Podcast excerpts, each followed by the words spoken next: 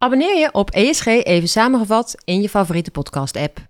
Volgens mij was het zijn dochter die, waar hij een gesprek mee had. En die zei van ja, papa, eh, het ging over ja, als je later kinderen hebt, hè, dan dit en dat. En toen zei zijn dochter, ja, maar ik wil eigenlijk helemaal geen kinderen als ik zie waar het met de wereld naartoe gaat. Welkom weer bij aflevering 12 van Even Samengevat, waarin we het gesprek aangaan met mensen die zich op allerlei fronten en vanuit verschillende disciplines inzetten voor de duurzame transitie. Jij bent altijd. En jij bent Marloes. En deze aflevering is de laatste van 2022.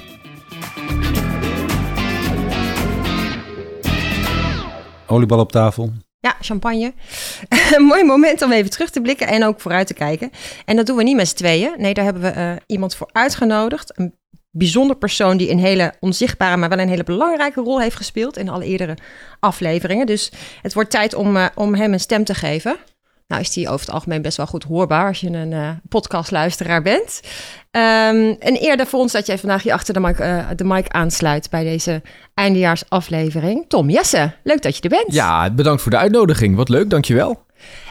Tom, kan jij voor de luisteraar even vertellen wat jouw uh, magische rol achter de, achter de mic is? Of achter de knop eigenlijk? Nou ja, het leuke is, ik kende altijd al een tijdje vanuit een andere samenwerking. En op een gegeven moment uh, hadden we het over podcasts. En uh, toen zei ik, is dat niet voor jullie? Is dat niet leuk om daar iets mee te doen? En toen zei altijd, ja, maar waar moeten we het dan in hemelsnaam over hebben? En toen zeiden nou, ik ga wel eens eventjes met collega's overleggen. En dat was jij, Marloes, want misschien hebben zij daar wel ideeën bij. En zo is het balletje gaan rollen. En is er volgens mij ergens halverwege het afgelopen jaar, is er een idee idee ontstaan om een ESG-podcast te maken. Dat idee hebben jullie echt bedacht. Daar heb ik geen enkele rol in gespeeld. Nou, je hebt wel goed aangejaagd, moet ik zeggen. Je bent wel op het moment dat even het uh, vlammetje dreigt te gaan doven, was jij er weer bij om wat lucht bij te pompen en het, en het branden te houden. Dus Oké, okay. je, je nou, bent iets te bescheiden nu. Ik denk dat je wel een belangrijke rol hebt gehad in het uh, daadwerkelijk opstarten. Maar, op een gegeven moment konden we niet anders meer. We dachten, nou oké, okay, Laat het gewoon, gaan doen. Kijk, wat ik leuk vind is om, om de kennis vanuit andere podcast uh, bij jullie op tafel te leggen. En dat jullie daar dan weer je eigen draai in kunnen geven. En dat heb je volgens mij uh, fantastisch gedaan. Dus uh, ja, we maken, dat doe ik niet alleen, maar ook met een team van collega's die dus mee editen en mee luisteren en, en ook feedback geven. Um, ja, maken we deze podcast eigenlijk. Dus jullie zijn degene die de gesprekken voeren. En ja, wij kijken op de achtergrond heen met de techniek. En hoe wordt er geluisterd? luisteren mensen helemaal af? Moeten we daar naar kijken? Nou, dat soort dingetjes. Ja, ja en jij uh, voorziet ons van waardevolle input, omdat je zelf ook podcastmaker bent, maar ook dagvoorzitter. Um, dus daar, daar, gaan we straks nog wel even wat, wat dieper op in wellicht. Maar uh, we hebben altijd traditiegetrouw. De ijsbrekers, hè? Ja, leuk. Dat ja. vind ik altijd een heel leuk onderdeel. Ja, ja moet je... Uh, ik weet niet of het niet leuk is. De vraag is of het niet ook leuk jongen. Ja, precies, precies. Nou, laten we meteen beginnen, joh. Uh, dagvoorzitter of podcasthost, wat doe je het liefst? Uh, dagvoorzitter. Had ik ook zo ingezet. En nou, eentje voor jou dan, Aldert. Mm, minder mensen of consuminderen? Oei, te moeilijke. Uh, minder mensen, bedoel je dat je een geboortebeperking Op, gaat opleggen aan Nou ja, hoe, hoe, de, hoe dan kunnen we nog over hebben? Consuminderen, ja, oké. Okay. Oké, okay, mag ik dan een aan Marloes stellen? Ja. Uh, zonnepanelen of warmtepomp? Zonnepanelen, omdat dat al op mijn lijstje staat voor komend jaar. Dus daar ga ik gewoon mee beginnen. En bovendien heb ik me laten vertellen, mijn huis is ook niet zo heel goed geïsoleerd. Dus misschien is zonnepanelen dan slimmer dan een warmtepomp. Oké, okay, en eigenlijk zou je zeggen en en hè? En ja, maar dan moet ik eerst gaan verhuizen, denk ik. Precies, en ik ben gisteren eventjes toevallig in de regels rondom uh, zo'n uh, uh, warmtepomp gedoken. En die mag dus niet binnen vijf meter van de erfgrens staan, omdat die schijnbaar nogal wat lawaai maakt. Dus... Okay. Je moet ook altijd nog goed kijken als je zegt... ik zet hem op het dak van de bijkeuken... en dat grenst net aan de buurman... dan moet je goed naar kijken of dat wel mag. Dus nou, het is gewoon vrijstaand, joh. Dus dat is geen probleem. Ja, maar postzegeltuin. Dus dan moet ik toch even een perceel gaan opmeten. Maar dan misschien toch een, in plaats van en en en of of. Um, wandelen in, op Ameland of hiken in Toscana? Oh. Oh, oh, ja. oh, lastig. Oh ja, allebei leuk. En je moet kiezen. Ja, ik moet kiezen. Ja, ja, ja, ja, ik hou heel erg van Nederland, maar dan kies ik toch voor het hiken in Toscane, omdat ik ook heel erg van bergen en heuvels hou. En Italiaans eten vind ik toch altijd nog net iets lekkerder. En dan ga je er wel met de trein naartoe? Ja, of met de auto. dat kan ook, ja, dat kan ook. Elektrische auto. Ja, um, ik ga verder. Tom, um, jouw podcast Sea Level of uh, de podcast met Maarten van Rossum? Maarten van Rossum. En uh, hebben we er nog eentje voor... Aldert, heb je er nog even, Aldert? Ja, marketing manager bij BNP Paribas Asset Management Benelux en Griekenlands of podcastmaker? Een mond vol. Podcast maken. ja, absoluut. Kijk, dus uh, Veel okay. leuker. Dan kunnen we bij dit. is misschien een mooie ambitie voor komende jaar. moeten uitzenden, maar goed, oké, okay, dat... Uh, ja, nee, absoluut. Laten we eens gaan kijken wat we gedaan hebben in, eh, in 2022. Dit was aflevering 12, zei je. Ja, Dus we hebben er 11 gemaakt tot nu toe. Ehm, hoogtepunten, dieptepunten, roep maar. Hoogtepunten. Ehm, Allemaal natuurlijk. Ja, ja, nou, ik vond sowieso dat het een hele leuke, gevarieerde mix van onderwerpen was. Ehm, een fragmentje, maar wat me nog wel recent is bijgebleven, ehm, kwam uit de aflevering met eh, Rolf Heijnen. Eh, Die had het boek over Het kan dus wel, een heel optimistisch betoog. En het was ook wel leuk dat dat kwam na een aantal afleveringen van... Oh, hm, het, gaat allemaal niet zo lekker. En dus we dachten, ja, we moeten een beetje een positieve insteek hebben. Het kan dus wel. Ehm, en eigenlijk kwamen al vrij snel ook in zijn boek, wat twee derde ook al vrij, nou ja, negatief was. En uiteindelijk kwamen er wel allemaal optim- op- optimistische eh, vergezichten. Maar dat, dat onderdeel over al die, die toxische stoffen, dat heeft mij wel eventjes aan het denken gezet. Ehm, de PFAS uit de kraan noemde die een aantal keer. Eh, Ja. eh, de, de hoeveelheid chemicaliën in zwembaden die zorgen voor onvruchtbaarheid. Ehm, dacht, ja, shit, dit, dit is echt ook een groot probleem waar je je vaak niet zo bewust van bent, wat je niet zo ziet. En dat ging ook natuurlijk over de stoffen die gewoon de natuur inlopen, hè? waardoor de Ja. biodiversiteit in, gevaar Ja. is. Ja. Ja. Ja. Ja. En die ook in je eigen lichaam komen hè, als mens. Dus dat is niet alleen maar meer die eh, plastic in, in, eh, in, in zeehondjes waar je spreken over in vis. Maar het komt ook bij onszelf. eh, Ja, eh, Ja, en dat, daar wordt nu in Canada volgens mij over gesproken. Hè? Onder Ja. andere over biodiversiteit. Want ik- ik vind het schrijnende daaraan dat, dat je dus wel hoort door dit soort verhalen dat dat afneemt, die biodiversiteit. Maar je, je ziet het niet meteen om je heen. Hè? Dus met de Dat geldt met klimaatverandering. zoveel onderwerpen. voor Ja, zoveel Hij blijft zo ver weg van je bed. Want dan hoor je weer van ja, zoveel diersoorten zijn uitgestorven. Ja. Maar het is niet dat je. Precies, want het is natuurlijk heel moeilijk omdat ze gaan naar die insecten kijken en dan, dan moet een bepaalde verhouding tussen zijn. En als er eentje wegvalt of uitsterft, dan heeft dat een enorm gevolg eigenlijk voor de biodiversiteit. Maar je ziet het nog niet meteen. Dus dat maakt het ook wel lastig. Maar het is denk ik wel belangrijk om dit verhaal iedere keer te blijven. eh, nou ja, Ja, want wellicht, wellicht gaan we het pas merken op het moment dat, dat bij speculaat is. Dat je voedselproductie in gevaar komt. En, Het is wel goed dat Rolf dat Ja. agendeert en dat hij dat dus ook met zijn boek, maar ook in jullie podcast eh, gewoon blijft, eh, blijft vertellen. Ja, en Anita de Hoorde ook, hè? Want Ja, die, die is er, die, die, die had juist dat geweest. eh, Finance for Biodiversity eh. Foundation opgericht. Eh, met wat zijn meer dan 100 banken inmiddels die die pledge ook ondertekend hebben. ja. Om ook investeringsbeleid eh, eh, te toetsen op nou ja, bijdrage aan biodiversiteit. Of Ja. voorkomen van, van afname van biodiversiteit. Dus Misschien is dat wel een leuke ehm, eh, optie voor, voor nog een aflevering. Om, om nou terug te laten koppelen door Anita bijvoorbeeld. Maar ook door Tim Bettels die bij de COP27 geweest is. Ja. Dan gaf je nog het live commentaar via zijn... heel erg gewaardeerd Tim. via zijn telefoon. Maar gewoon eens kijken van eh, wat, wat, als het stof een beetje neergedaald is, wat, wat, wat heeft het nou opgeleverd? Want je hoort nu ook steeds meer van die discussies van heeft wel zin. eh, dit, Heeft zo'n dit- dit- dit kopzin, soort- bedoel je? Ja, Ja. dit soort conferenties. ja, ja, dat zagen we natuurlijk ook al wel met eh, de laatste kop in uh, Jean Ja. Ehm, Ja, want wanneer is zo'n zo'n kop nou geslaagd? Ja, daar wordt natuurlijk heel erg gedrukt op zo'n akkoord. Dat Ja. moet het dan zijn. Nu gingen ze in Egypte nog een dag langer door, volgens mij, om Ja, zo'n akkoord te sluiten. Wat er Ja. uiteindelijk kwam. Ik hoorde ook, volgens mij was het bij jullie. Of nee, Aniek Monen zei mij dat. Aniek Monen zei mij, in eh, Egypte was het vooraf helemaal niet zo goed georganiseerd. En bij die vorige eh, kop, een jaar daarvoor, die was in Glas- Glasgow toen. Ja, ja, ja. Daar was al heel veel voorwerk gedaan. Waardoor er achter de schermen eigenlijk al akkoordjes, deelakkoordjes gesloten konden worden. En Ja. toen was dat grote akkoord was eigenlijk heel snel rond. En zij zei in Egypte, want zij was er ook bij voor de jonge klimaatbeweging, was dat veel minder eigenlijk aanwezig. Waardoor je dus ook ziet ja, dat zo'n akkoord uitblijft. Ja. Dus zo'n, zo- voor de komende eh, kop in eh, Saudi-Arabië is die, Ja. als ik me niet vergis. Daar moet het natuurlijk... Je was zou, het Dubai of niet? Nee, in ieder geval ergens in het Nou ja. Midden-Oosten is die. Dus je zou zeggen, eh, zorg dat je daar ook het voorwerk goed in Ja. orde hebt. Over de kop gesproken, wat ik wel een interessant fragment eh, vond. Misschien kunnen we daar even naar luisteren. Is wat eh, Ruud Koornstra daarover zei. Tenminste, een van zijn vrienden belde op vanuit eh, die, die kop. En, en, en ja, die, die was wel bezorgd over hoe, eh, ja, de, zeg maar, Global South eh, versus eh, Global North. Dus de rijke landen eh, Ja. ten opzichte van de, de arme landen. An- Andersom natuurlijk. Maar misschien dat we daar even naar kunnen luisteren. vriend van mij eh, zit hoog in de boom, partner bij McKinsey. Die belde mij gisteravond uit eh, Egypte. Eh, hè, Ja, die zit ja. daar het congres te doen. Ja, Ruud, nu wordt er nog gesproken, maar over twee jaar is hier slaande ruzie. Van de landen die al nu zo de pineut zijn. Ja, de Global Ja. South die, die, die, nu alles mis. ondervinden. De en daar komt al. echt ja. iets tegen. Dus we moeten echt doorpakken. Ik vind het leuk ook wel aan dit fragment van, eh, van Ruud. Hij is heel enthousiast. Hè? Je, je, als je hier naar zit te luisteren en je ziet hem niet, je, het enthousiasme spat ervan af. Ja. Gratis energie, alles komt goed. Paradijs op aarde, Nederland, innovatief. MKB is allemaal top. Ja, inderdaad. Ja, de wonderen van de wereld. Ja, hè? precies. Dat, En- eh, ja, mooi, ja. hij blijft wel heel erg hoopvol. En hij blijft ook echt op zoek. Wat zei die activistisch ondernemer of ondernemersactivist? Elke keer het randje en, en de verbindende factor. Maar zelf ook wel graag aan de knoppen willen zitten. Om echt die, eh, die transitie eh, eh, vooruit te duwen. Ja, het, het, mooi, mooie, mooie drijfveer zit Nou erachter. ja, wat ik goed vind aan hem is dat hij echt een verbindende rol inneemt in de verschillende clubs waar hij in zit. En dat hoor je ook in, de, in die podcast die hij met jullie heeft gemaakt. Hij probeert echt, oh ik ken daar een ondernemer, oh en ik ken die en die koppel ik aan elkaar. En daar ken ik ook nog iemand. En hij, hij zit ook met Rutte, zit hij te sms'en hè. ja, Dat ja, vertelde die. Ja. Ik denk dat dat wel heel belangrijk is, omdat we het natuurlijk steeds ook hebben over dit onderwerp, over samenwerking. Eh, je moet ook gewoon maar eventjes weten dat jij, Marloes of Alde, dat je ergens mee bezig bent. En zo'n Ruud kan je natuurlijk op de radar van iemand Ja. anders brengen. Dus Ja. ik denk een hele, eh, ook ongeziene, maar wel hele belangrijke rol. Ja. Nou, zeker wel gezien.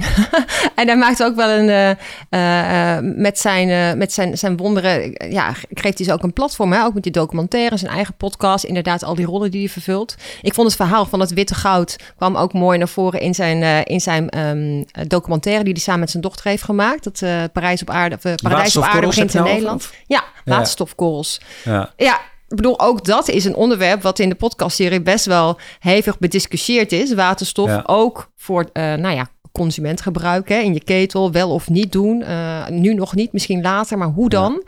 Dat vind ik wel het lastige, want ze kunnen mij natuurlijk heel veel wijsmaken. Ik ben absoluut geen techneut. Ehm, en bijvoorbeeld met, met, met Daryl hebben die twee afleveringen gemaakt. Dat vond ik ontzettend leerzaam. De- Dat ging met name over ehm, eh, de capture en storage van eh, carbon. Hè? Ja. En oh, portals en dat, dat, dat soort zaken. En, en die, die twee jongens, Jeroen en, eh, en Tim, eh, die ontzettend ehm, ja, experts gewoon, zeker ten opzichte van ons natuurlijk. Maar op een gegeven moment, ja, als, je, als, je, als je er wegkomt en je hoort daarna anderen, ja oké, het ligt toch iets genuanceerder. Het is niet zo dat we morgen al die oplossingen gereed hebben. Dus dat vind ik altijd lastig om in, om in te schatten. hoe realistisch zijn nou die technologische innovaties bijvoorbeeld? En is kun je, hoe kun je dat toetsen? Is dat bekend? Is, wij- want het is natuurlijk hartstikke leuk als je iemand hoort van, eh, nou ja, dit, eh, iemand is natuurlijk zelf enthousiast en verkoopt het goed. Maar hoe kun je nou bekijken of dit ook echt, eh, nou ja, ehm, eh, levensvatbaar is? Ja. Is- Zijn daar al onderzoekjes van of moet je het gewoon maar gaan doen en dan zie je het wel op termijn? Hebben jullie daar dingetjes over gehoord in de podcast, waardoor je denkt van, ja, dit is kansrijk en dit, ja, bedankt voor de moeite, maar levert niet zoveel op? Ja, dat vind ik altijd wel een, eh, een complexe. Dat geldt bijvoorbeeld ja, voor dat afvangen en, en opslaan in, eh, in, in, in poelen onder de Noordzee. Eh, en dan zijn er een aantal internationale grote projecten. Ehm, hè, en, en daar vertellen ze ook vol enthousiasme over. En Ja. dat, dat, dat het bewezen technologie is. Ehm, maar dat het ja, op dit moment nog niet doet wat het zou moeten doen.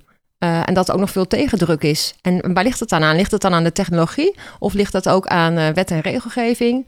Ehm, eh, wat, wat dat tegenhoudt? Of nou ja, net, eigenlijk net na afloop van dat gesprek kwamen die nieuwe aankondigingen Ja. dat het Portos, Portos, Portos, ja, precies. vertraagd wordt. Ja. Eh, om, dat was vanwege stikstof eh eh, debakel wat we weer in Nederland hebben. Dus Het helpt Zo. allemaal niet mee. nee, nee, nee. Het grappige van, van, van die podcast vond ik wel, eh, aan de ene kant waren ze heel erg, vooral Jeroen, maar ook, ook Tim, maar Jeroen, een ontzettend slimme vent en zo. En, en eh, weet je, ik moest echt gewoon heel erg mijn best doen om het te blijven volgen. Maar hij had wel een hele leuke vergelijking die het allemaal weer met die muur, weet je wel. Met die, Ja. Hij zei dus op een gegeven moment, eh, nou misschien kunnen we het best even luisteren naar het fragment. Laten we hij even luisteren, ja. En, en daarom is CCS echt een, een deeltje van de mix. Eh, volgens industrieel gezien en, en voor de time being een, een, een, een grote klapper die je op korte termijn, nou ja, in ieder geval relatief korte termijn kunt realiseren ten opzichte van de andere eh, transities, is het nodig. Ik heb het vaak vergeleken met een muur die achteruit schuift terwijl we met 150 op afrijden.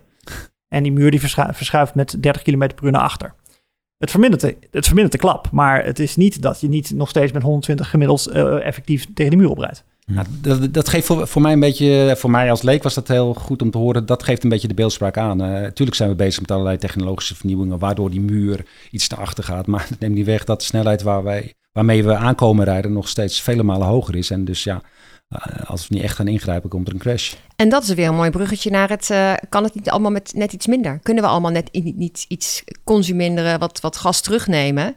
Eh, en dat waren weliswaar geen live podcasts die we hebben gedaan over degrowth. Hè. Ehm, Ja.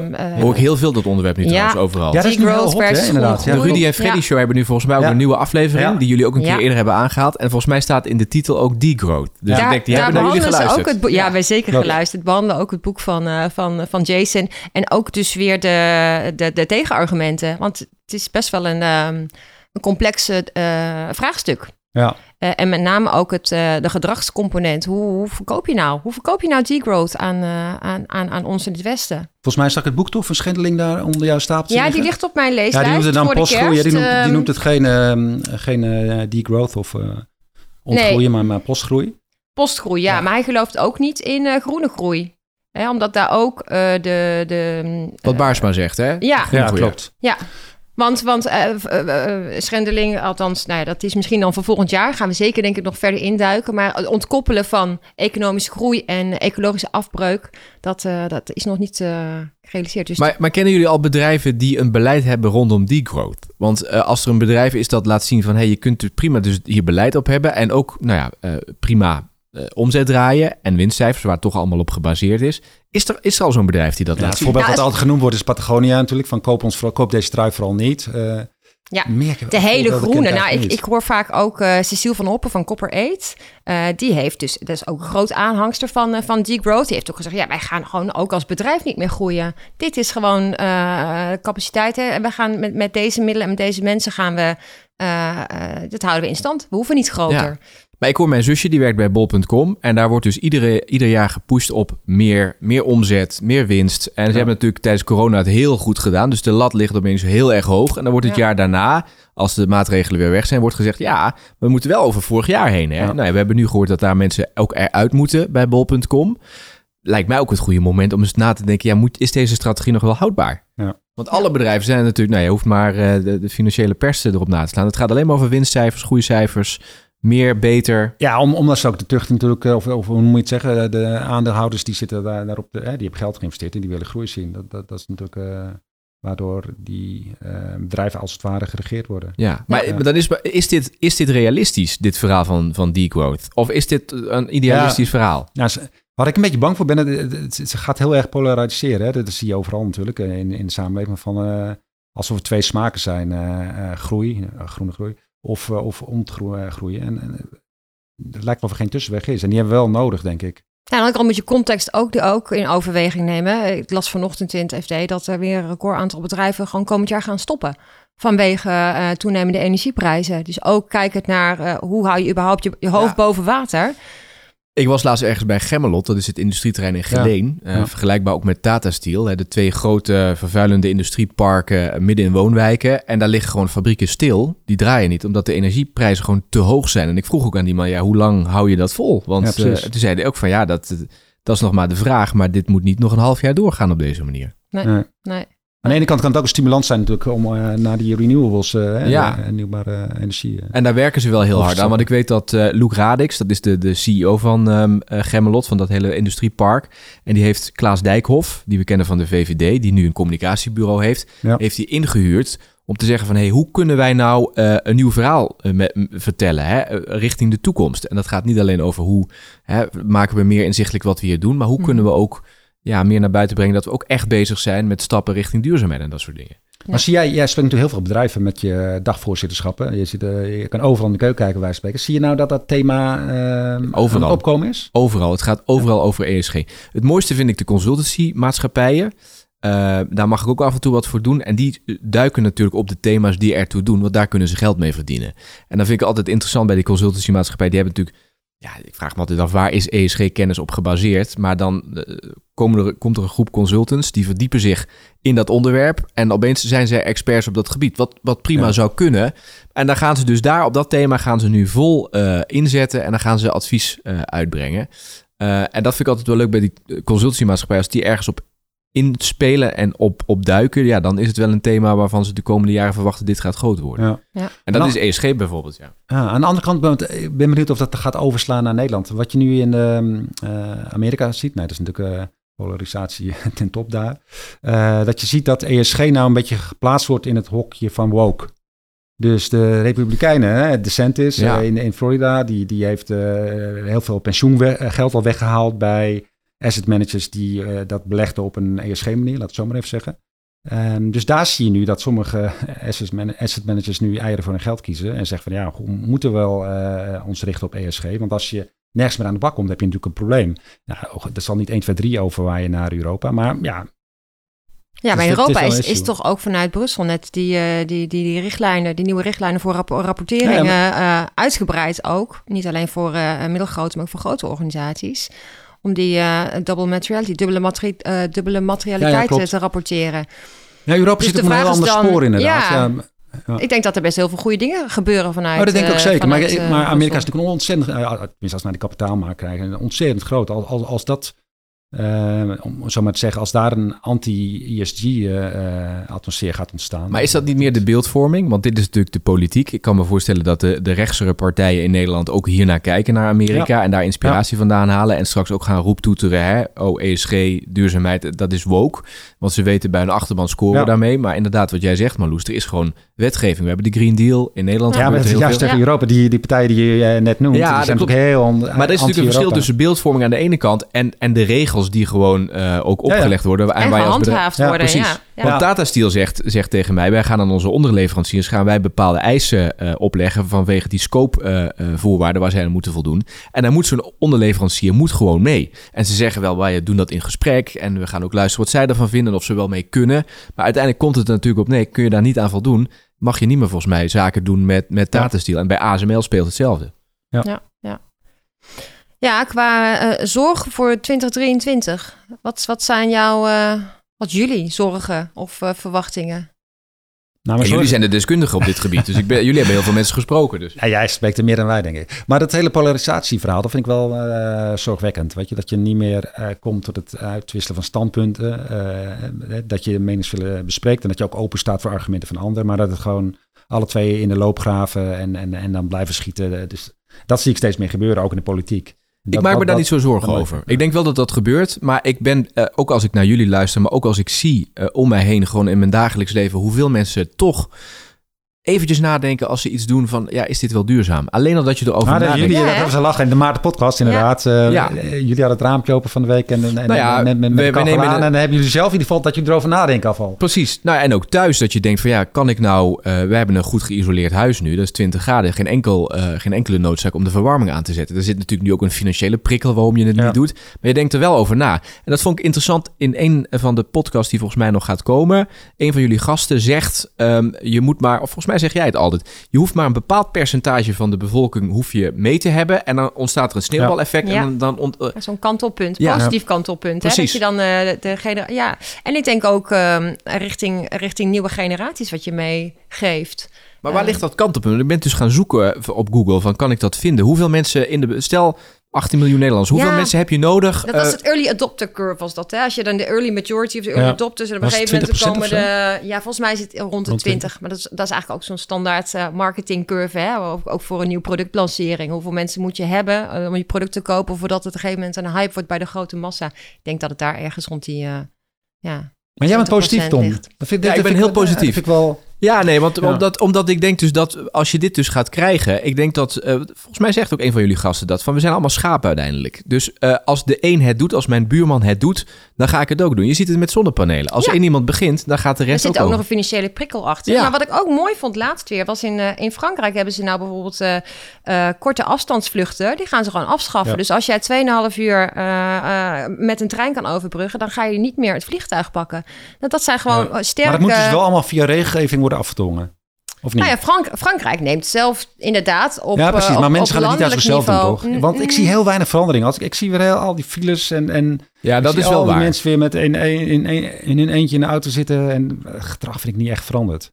Tenminste, maar ja, kan ik ook niet echt bepalen. Maar mijn indruk is, misschien dat ik ook in de verkeerde bubbel kan zijn. Ik zit veel op zitten, denk ik. En dan, dan, dan word je heel negatief van. Maar ik, ik Ja, zie maar- niet echt maar- veel dingen veranderen. Maar jij zegt ook altijd dat elke dag 1 procentje, dat, eh, dat telt ook op, hè?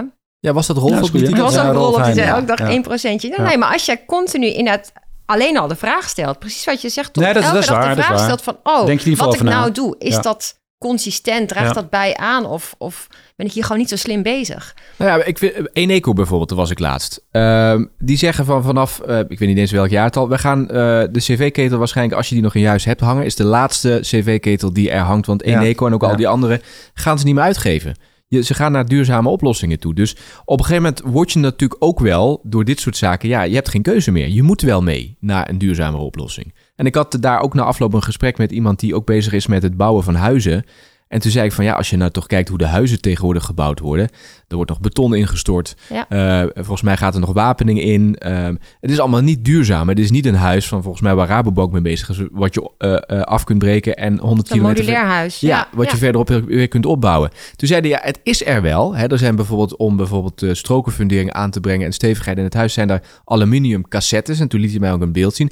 Alleen de mensen die het voor je bouwen, de, de, de adviesbureaus, de bouwvakkers, Aannemers. die hebben ja. de aannemers, die hebben die kennis nog niet. Terwijl er wel heel veel kritische klanten zijn die zeggen: ja, ik wil wel duurzaam bouwen, maar dan krijgen ze te horen van ja, is duur, is moeilijk. Dus ik denk ook wel dat langzaam die hele maatschappij mee moet in dat verhaal, zodat je ook ja, een Ja. soort van stroomopgang krijgt. En daarom geloof ik heel erg in die, eh, die, die- ja, die bepaalde, bepaalde deel van de bevolking, die moet je meekrijgen en dan gaat de rest Ja. vanzelf. Ja, zelfs of- Defensie, of het- Oh, sorry. Ja, of het duur, duur in duurzaam. Hè? Dus op het moment dat duurzaam bouwen nog steeds te prijzig is. Ehm, en er gaan natuurlijk ook allerlei eh, geluiden of ideeën op over het beprijzen van de, meer, meest vervuilende productcategorieën. En moet je ook niet uitstoot gaan, eh, gaan beprijzen of, of impact op, eh, op, op, op natuur en, en, en omgeving. Ehm, dat het eigenlijk de vervuilende optie ook de duurste optie wordt. Ja, Eh, Ja. Want die prijsprikkel, dat zien we nu met energie ook. Dat is eh by far, eh, Ja. helpt dat maar ik was laatst bij iemand op bezoek en die had een nieuw huis en die had prachtig verbouwd. Eh, en dat was een paar weken geleden. Het was te koud. En toen, toen zeiden ja, we hebben alleen maar eh, esthetische dingen veranderd. Dus ik, dat is eigenlijk zonde, want je, gaat, je hebt natuurlijk prachtig, echt een heel mooi huis, heel mooi opgeknapt. Zo'n oud pand. Maar niets aan, eh, nog enkel glas, niets aan... aan Eh, nou, dat is wel toch... Ja. Enkel glas. Enkel glas zat dit is toch... Ja, precies. het was wel heel... En ik zeg, nu ga je dat nooit meer doen, Nee, want je hebt het prachtig opgeknapt. Het Ja. heeft veel geld gekost. Je gaat Ja. nooit meer die stap zetten om het te Ja. verduurzamen. En ik denk dat dat wel... Hè, want kijkt dat verduurzamen, dat zie je niet. Maar je merkt het eigenlijk wel. En dat zullen ook Ja. denk ik meer mensen moeten gaan doen. En je krijgt het ook niet meer verkocht straks, hè? Denk, dat denk Het ik huis, nee, dat wordt Nee, lastig. Dat wordt De- lastig. niemand wil straks Ja. meer een huis waar de, de, hypotheek- Ja. de, de, de gasrekening even Terwijl er dus wel vanuit RVO, eh, de Rijksdienst voor Ondernemen in Nederland, heel veel subsidies zijn. Die, waar, en ook gemeentes volgens mij doen het. Als jij wil gaan verduurzamen, eh, dan eh, kun je je aanmelden. En krijg je volgens mij een Ja. bepaald percentage krijg je terug. Als je drie maatregelen volgens mij neemt. En ik, dat verhaal denk dat ook nog, nog meer breder gedeeld moet worden. Nou, laten we die Ja. linkjes in Ja. ieder geval even in de show notes zetten. Ja. dan. Hele goeie. Volgens- Oh ja, eh, ik zie het ook bijvoorbeeld in een, in een sector waar je het helemaal niet zou eh, verwachten. De podcast gisteren over Defensie. Dat Defensie ook eh, ja, in ieder geval erover nadenkt van hoe... dat, had ik het laatste sector... eh, er is ook een... Wat, ehm, tanks van gerecycled staal, of hoe moet ik dat ik weet niet precies hoe ze... Ja, precies. Ja, piep, paf, hoeven geen echte munitie. Waar heb je dat gehoord? Ehm, er was zo'n op Listen, eh, die, die van Oh, FD, ja. die verzamel eh, Ja. podcast. En er is ook een groene generaal. Misschien kunnen we die, volgens mij is dat Tom Middendorp uit mijn hoofd. Dit is wel grappig. Die, die zet zich daar heel veel eh, voor in. Eh, De generaal groene buitendienst, generaal. maar, eh, ja, ja. Maar je- dat is toch wat je nu zegt, al. Dat is toch eigenlijk al een goed teken waar je ook optimistisch Ja, dat klopt. Daarom denk ik, ik was wat pessimistisch. Laat ik ook een, positieve Ja. noot inbrengen. Nee, maar ook dat je kunt zo, we kunnen zoveel mensen nu noemen met, met alleen al wij met z'n drieën en de mensen die we kennen die bezig zijn met een goed idee. Eh, Ja. Jan Rotmans noemden jullie volgens Ja. mij. Ja. Die Ja. een heel mooi filmpje heeft gemaakt van 2121. Dus die heeft echt gewoon met een club gezegd van we gaan gewoon Nederland inrichten. Hoe ziet het er dan uit? We Ja. houden er rekening mee dat de, het water een stuk hoger staat. De Noordzee is volgebouwd. Echt een leuke gast om ook een keer uit te Ja. nodigen. Want hij heeft Omarmde Chaos, dat boek en ook zijn keynote. Leuk verhaal. Dus we kennen zoveel mensen die er al mee bezig zijn. Dat, ik word daar wel heel ook wel Ja, blij dat van. ik maar dat was ook wel de, dat is het leukste. wel, ja. eh, dat je A ziet hoeveel mensen ermee bezig zijn en, en hoe enthousiast die mensen inderdaad zijn. En je wordt er eh, ook wel, de het, enthousiasmeert Ja. mij. Als ik dat hoor, ook als ik jullie eh, mensen hoor die zeggen van hier ben ik mee bezig, eh, dit ben ik aan het doen. Dan denk ik ja, dat is hartstikke leuk. Dus dat, dat enthousiasmeert ook om zelf ook misschien daarmee aan de slag te gaan. Dus wat Ja. dat betreft vind ik dat de podcast ook een mooie rol vervult in, in misschien laten zien, hè, dat venstertje op de wereld van wat er al gebeurt.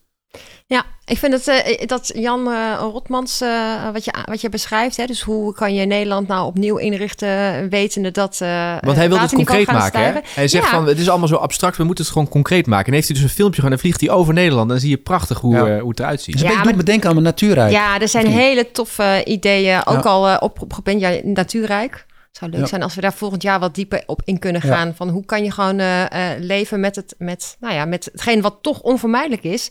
En hoe kan je een andere indeling van eh, wonen, werken, verbouwen ehm, realiseren in Nederland. Er zijn best radicale plannen voor geschreven.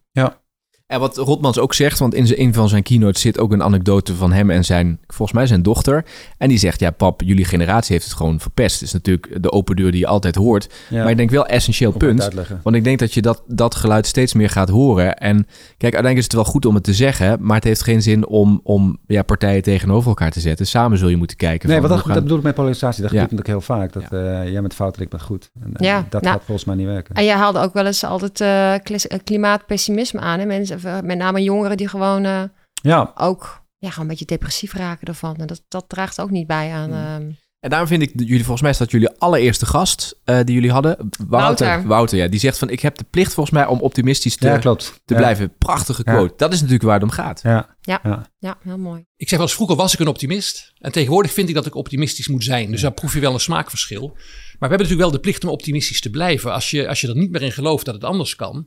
Ja, dan kun je beter met een fles whisky onder de dekens gaan liggen. En er nooit meer onderuit komen. Ja, Zijn bureau trouwens, Stuart Redqueen, is nu heel erg eh, ehm, eh, aan, aan, aan de weg aan het timmeren. En wordt ook steeds meer eh, erkend als een eh, goed bureau op het gebied van duurzaamheid. Dus dat heeft die podcast Ja. ook allemaal opgeleverd. Maar vinden jullie het eh, bezwaarlijk als er bedrijven zijn die puur eh, op ESG en duurzaamheid duiken om maar geld te verdienen? Want dat zie je natuurlijk wel gebeuren nu om je heen. En dat zullen ze nooit zeggen. Nee, als ze daarmee ook helpen om, om, om de wereld een stukje beter te maken, om het zo simpel te zeggen, dan, dan, dan, dan vind ik het absoluut geen probleem. Oké, en hoe toon je dat aan? Want dan zul je dus ook wel moeten bewijzen van dat je dus iets bijdraagt. Dat je het niet Ja. alleen maar zegt, maar dat je het ook kunt aantonen en kunt eh, nou ja, ondersteunen, onderbouwen. Ja, als je kunt aantonen dat door een innovatie van jou eh, de emissie afneemt met X, ja, dat, dat, Hm. dat, dat is, dat is heel concreet en dat, eh, vind, ik- vind ik Ja. prima. Ja, volgens mij als je ad- als adviseur, als ZZP-adviseur aan de slag wil de komende tijd, eh, volgens mij twee dingen. Het pensioenakkoord, daar is voldoende Ja. in te adviseren. En dit thema. en de energietransitie. Ja. Energietransitie. Ja. ja, ja. Je vast. Stiekem gaan we al een beetje richting 2023. Kan je Ja. al een beetje een tipje van de sluier oplichten wat we ja, we hebben hele, 23 twee hele doen? leuke spreeksters in de volgende afleveringen. We gaan eh, met uh, Aniek Smeddes van eh, Sustainable Talent kijken naar ja, waar loopt duurzaam talent nou warm voor. En zij heeft een eh, eh, recruitment en een coachingsbedrijf en, eh, en, en doet een soort matchmaking tussen bedrijven die echt in de huidige krapte op de arbeidsmarkt op zoek zijn naar talent, naar duurzaam talent ook. Eh, en zij merkt ook dat er een hele grote ja, groep mensen in de arbeidsmarkt meer purposeful werk wil doen, meer Ja. impact wil creëren. Ehm, En ja. daarnaast Klaske Kruk, Ja. Circular Hero. Circular Hero 2021, maar dat- 2021 en oprichter van Circularities. Leuk, ik zie jou ook heel veel. Volgens Ja. mij ook laatst bij BNR was ze weer in het Ja. programma. Ja, Ik vond, heel eh, het zat een leuke quote. Op een gegeven moment zei ze iets van, eh, eh, iets van joh, het is het nieuwe, de nieuwe status, het nieuwe sectie, zeg maar, Ja. om Ja. in duurzaamheid bezig te zijn. Ja, Maar- en het leuke van, haar, eh, van dat gesprek vond ik ook dat eh, circulariteit, dacht ik ook altijd vaak nog gaat over even technologie en hoe maak ik producten nou dat je ze uit elkaar kan halen, hoe kan je recyclen. Maar zij benoemde ook echt een gedragscomponent met elkaar. Dus begin dan bij die eerste R van refuse. Ja. Ga niet elke keer eh, toegeven aan die koopverslaving. Laat het gewoon liggen. Doe gewoon met wat minder. Eh, dus gedrag. Eh, inderdaad, een nieuwe status creëren. Je hoeft niet eh, twee dikke auto's onder je kont en zes keer per jaar op vakantie. Ehm, maar Ja. ja. een andere vorm van, zin, van zingeving. En dat doet me weer denken aan die persoon van wie dat huis was, wat zo slecht geïsoleerd was, maar er prachtig uitzag. Die vertelde dus wel dat die twee eh spliksplinter nieuwe auto's in de bestelling had staan. Elektrisch. Ja, nog niet eens volgens Oh. mij. Cancel die gasman. Maar, ja. maar toen dacht ik, dat is dus de oude statusvorm. Hè? Groot huis, moet er mooi uitzien, grote auto's. Maar dat is voor verleden tijd. Ik denk inderdaad echt dat eh, mensen die laten zien van... hey, dit dragen wij bij aan de wereld. Dat zie je al op de Ja, ik socials. hoop het, ik hoop het. Maar mensen die nu al op de socials... Hè, daar heb je ook echt jonge mensen die gewoon laten zien van... we gaan naar Aniek Wonen van de Jonge Klimaatbeweging. Die laat gewoon in de zomer zien... hey, ik ben met de trein op vakantie geweest. Hier kun je boeken. Hier heb je Ja. kortingsacties. Dit ja, is de klopt. route. Je hebt ook van die websites die dat helemaal... En eh, zij, heeft, zij enthousiasmeert heel, heel veel mensen. Want ik zie het bij andere influencers dan ook. En zo krijg je natuurlijk wel... Hè, zij voelen ook aan van... hey, dit scoort, dit doet het goed. Dat is prima, want je draagt ook bij aan een goede wereld. Ja, Ja. ja. en, en dan ben ik wel benieuwd. Influencers versus influencers. Hè. Ik heb kinderen die kijken ook veel van die vloggers. Ja, daar zie ik dat duurzame gehalte nog niet zo doorcijpelen. Nee? Als ik heel eerlijk ben. Nee, die maar gaan, gaan, gaan vaak praten op eh, grote cruises. En, oh, toch eh, nog? Oké. Ja, Hm. ja, ja, geld moet vooral... eh, Dat is wel gek, want dat is wel de generatie die. Ja. dus eigenlijk zeggen van... maar misschien zijn die dan nog niet bezig met het besef van... hé, hey, eh, de wereld staat in brand. Nee, dat denk ik niet. En ik vind het wel, eh, ja, ik vind dan, als ik dan zie dat mijn kinderen daar soms ook heel enthousiast over worden, denk ik, ja, dat, dat, zonder dan weer de, de, de pastoor te zijn, of eh, wat was het, ja. eh, dat um, Dominee of wat dan de ook. dominee Ja, had eh, Ja. met, eh, met Rolf Heijnen erover. Ja, het is wel goed om dat gesprek aan te gaan van, ja, leuk, al die pracht en praal, maar eh, wat is de keerzijde Ja. ervan? Ook nog een interessant onderwerp. Hoe duurzaam zijn nou al die servers van YouTube, eh, LinkedIn, Facebook, Microsoft? Ja, niet toch? Dat is toch... Ja, nee, maar het wordt daar ook verduurzaamd? Want dat is natuurlijk niet echt zichtbaar. Maar je weet natuurlijk dat dat, dat moet zoveel stroom kosten. Ja. Jeroen Azenwinkel zei, dat die kopen gewoon, eh, die kopen dat af allemaal, hè. Dus eh, Die plant een bos. Dan ga je zo. CO2 uit Ja. de lucht vangen met hun, hun Syncit-propositie. En dan, Hmm. eh, dan koop, je, koop je dat weer af, die uitstoot. Ja. Oké, maar het zat leuke dingen dus eh, in Ja. 2023. Heb je nog een wishlist altijd voor, eh, qua onderwerpen voor komend jaar? Dat je denkt, ah, Ja. dat wil ik echt nog Een bespreken. aantal of, hebben we ehm, al... eh, Want we, ja, we gaan de circulariteit en duurzaam Ja. talent. de natuurrijk vind ik wel heel interessant. En, en de combinatie, tenminste dat speelt nu erg bij in, in, in de wereld waar ik zit, de asset management, vermogensbeheer. Eh, dat er ook opge, op, opgekeken, dat er gekeken wordt naar oplossingen in, in de bosbouw. Waarvan je denkt van, hmm, en de meeste mensen denken meteen aan tiekplantages en dat soort eh, minder eh, succesvolle beleggingen. Maar je kan bosbouw ook eh, gebruiken om ehm, de doelstelling die we allemaal hebben op het gebied van net zero. Hè, dus hoe gaan we neutraal worden, klimaatemissie neutraal worden in 2050. Daar kan bosbouw ook een, een, een, belangrijke rol bij spelen. Dus dat, ik, ik zou me kunnen voorstellen dat dat terugkomt in die, in die podcast, wil ik zeggen, alsof we hem al afgesproken hebben. Maar mochten we een Natuurrijk of Jan Rotmans met zijn nieuwe indeling van Nederland, eh, eh, ik kan me voorstellen dat daar ook een plek eh, ingeruimd wordt voor, voor wat meer bosbouw. En ik Ja. moet nog steeds denken aan de quote die jij volgens mij ook in een van de afleveringen hebt genoemd. Van eh, uiteindelijk gaat innovatie en eh, technologische vooruitgang gaat eh, de eh, klimaatcrisis eh, helpen. Althans, dat, jij zegt niet zelf op persoonlijke Nee. Joost Brinkman zei dat. eh, Ja. techni- technologie gaat de wereld redden. Dat vind ik Ja. wel grappig. En toen want- noemde jij ook zo'n parasolletje wat dan in de ruimte Ja, gehangen wordt ja. voor Ja. de zon. Om de, ja. En dan denk je, ja, daar, eh, dat soort ideeën, als die al spelen... en misschien luistert nu iemand die zegt, ik ken iemand of ik ben er zelf mee bezig. Dat is natuurlijk ook leuk om dat eens te Ja. doen. Radicale ideeën. Ja. Ja. Ja, kan je inderdaad soort schild de, het, eh, maar de het moet geen, en, en dat, dat gebeurt nu een beetje, heb ik het gevoel. Het moet geen excuus zijn om gewoon voor te gaan zoals Nee, we nu precies, doen. dat is wel heel goed, Omdat ja. we denken van ja, nee, het komt toch wel goed. En, en Ja. dat, dat, ja, weet je, nou goed. ik Ja, moet- en ik, ik ben nog wel benieuwd, maar dat is een beetje een taboe onderwerp. Daarom vroeg ik hem jou ook in de, in de ijsbrekers. Dat eh, we zijn gewoon met te veel mensen. En dat is heel vaak, merk ik in gesprekken die ik er zelf over heb. Ja, daar willen we eigenlijk drie, niet aan. Ja, ik Zo. heb er drie. Ja, ik weet ja, het. Ruud Ik had, ben Ruud, al Ruud, over Ruud had er eh, vier of zo. Ruud eh, had er vijf. of vijf zelfs, ja. Nee, nee, maar dit is ook wel een, een, beetje een taboe onderwerp. Ja, want hoe ga je daarop op, op, op handhaven? Wat ga je daarop? op- Maar er zijn ook weer eh, bewegingen die daar eh, Ja. vanuit de Verenigde Staten ook zeggen. Ja, weet je, überhaupt niet eh, reproduceren, maar ook eh, wat je allemaal kan doen middels opleiding en eh, het, het, het tegengaan van armoede, wat ook in ieder geval in, in armere Maar dan landen ga je wel heel erg ingrijpen in, in het leven van mensen. Ga je bepalen of ze wel of geen Nou ja, maar ik- ik moet Nou wel ja, ik vind, ik, vind, ik vind het wel een onderwerp nou ja, waar ik wel eens wat tegengeluid op zou willen horen. Ik hoor eh, As, de CEO van eh, Eneco, die ehm, eh, heeft nu ook een heel duurzaam verhaal. En die vertelde in dat verhaal ook van, ja, volgens mij was het zijn dochter die, waar hij een gesprek mee had. En die zei van, ja papa, het ging over, ja, als je later kinderen hebt, hè, dan dit en dat. En toen zei zijn dochter, ja, maar ik wil eigenlijk helemaal geen kinderen als ik zie waar het met de wereld naartoe gaat. En Frits Wester, de politiek correspondent van R- RTL, Mhm. heeft ook twee zoons waar hij samen een podcast mee maakt. En die zoons, volgens mij in een van de afleveringen, hebben ze daar ook een gesprek over. Dat die zoon zegt, ja maar pap, ik wil helemaal geen kinderen. Moet je kijken waar, waar het met de Ja. wereld naartoe gaat. En Ja. Frits is daar echt eh, emotioneel door aan. Daarom had hij niet zien aankomen. Dus Ja. ik denk wel dat het een, een topic is wat ik steeds vaker hoor. Ja. En want dat komt dus met name vanuit de, de, de nieuwe generatie, de Gen Z. Ja. En dan de oudere generaties zijn daar toch door geschokt. Want die willen graag opa en oma worden. Maar ik snap het, de gedachte heel erg goed. Nou ja, food for thought. Denk ik ook. We hebben veel besproken. Ja. Ja. Leuk. Goeie recap. Ik zou zeggen voor de luisteraar, dan wens ik iedereen een hele eh, fijne feestdag en een eh, toekomstbestendig eh, nieuw jaar. Duurzaam 2023. Dat Is vuurwerk eigenlijk duurzaam? Helemaal niet, toch? Nee, niet. Nee. niet te doen. En er is meer dan ooit verkocht, hoorde ik op het nieuws. Ja, waar, Oh, ja? waar ik bang voor ben, dat ze al die, die eh, toeslagen, die twee keer 190 die iedereen gehad heeft, dat ze het daarvoor gaan gaan gebruiken. Je kan tegenwoordig echt super gave, doen ze in Rotterdam volgens mij, met lichtshows en met drones. Super mooie effect, bijna als vuurwerk, maar gewoon geen rotzooi de lucht in. Maar goed, als we gaan verbieden dat mensen kinderen gaan krijgen, dan kunnen we eerst beginnen met eh, verbieden om vuurwerk af te steken. Dat lijkt me nog wel. Dat is al een hele hobbel. maar, goed, oké. Mooi. maar dank voor het luisteren allemaal en eh, ik hoop jullie weer eh, in 2023 ook eh, tegen te komen. Tot volgend jaar.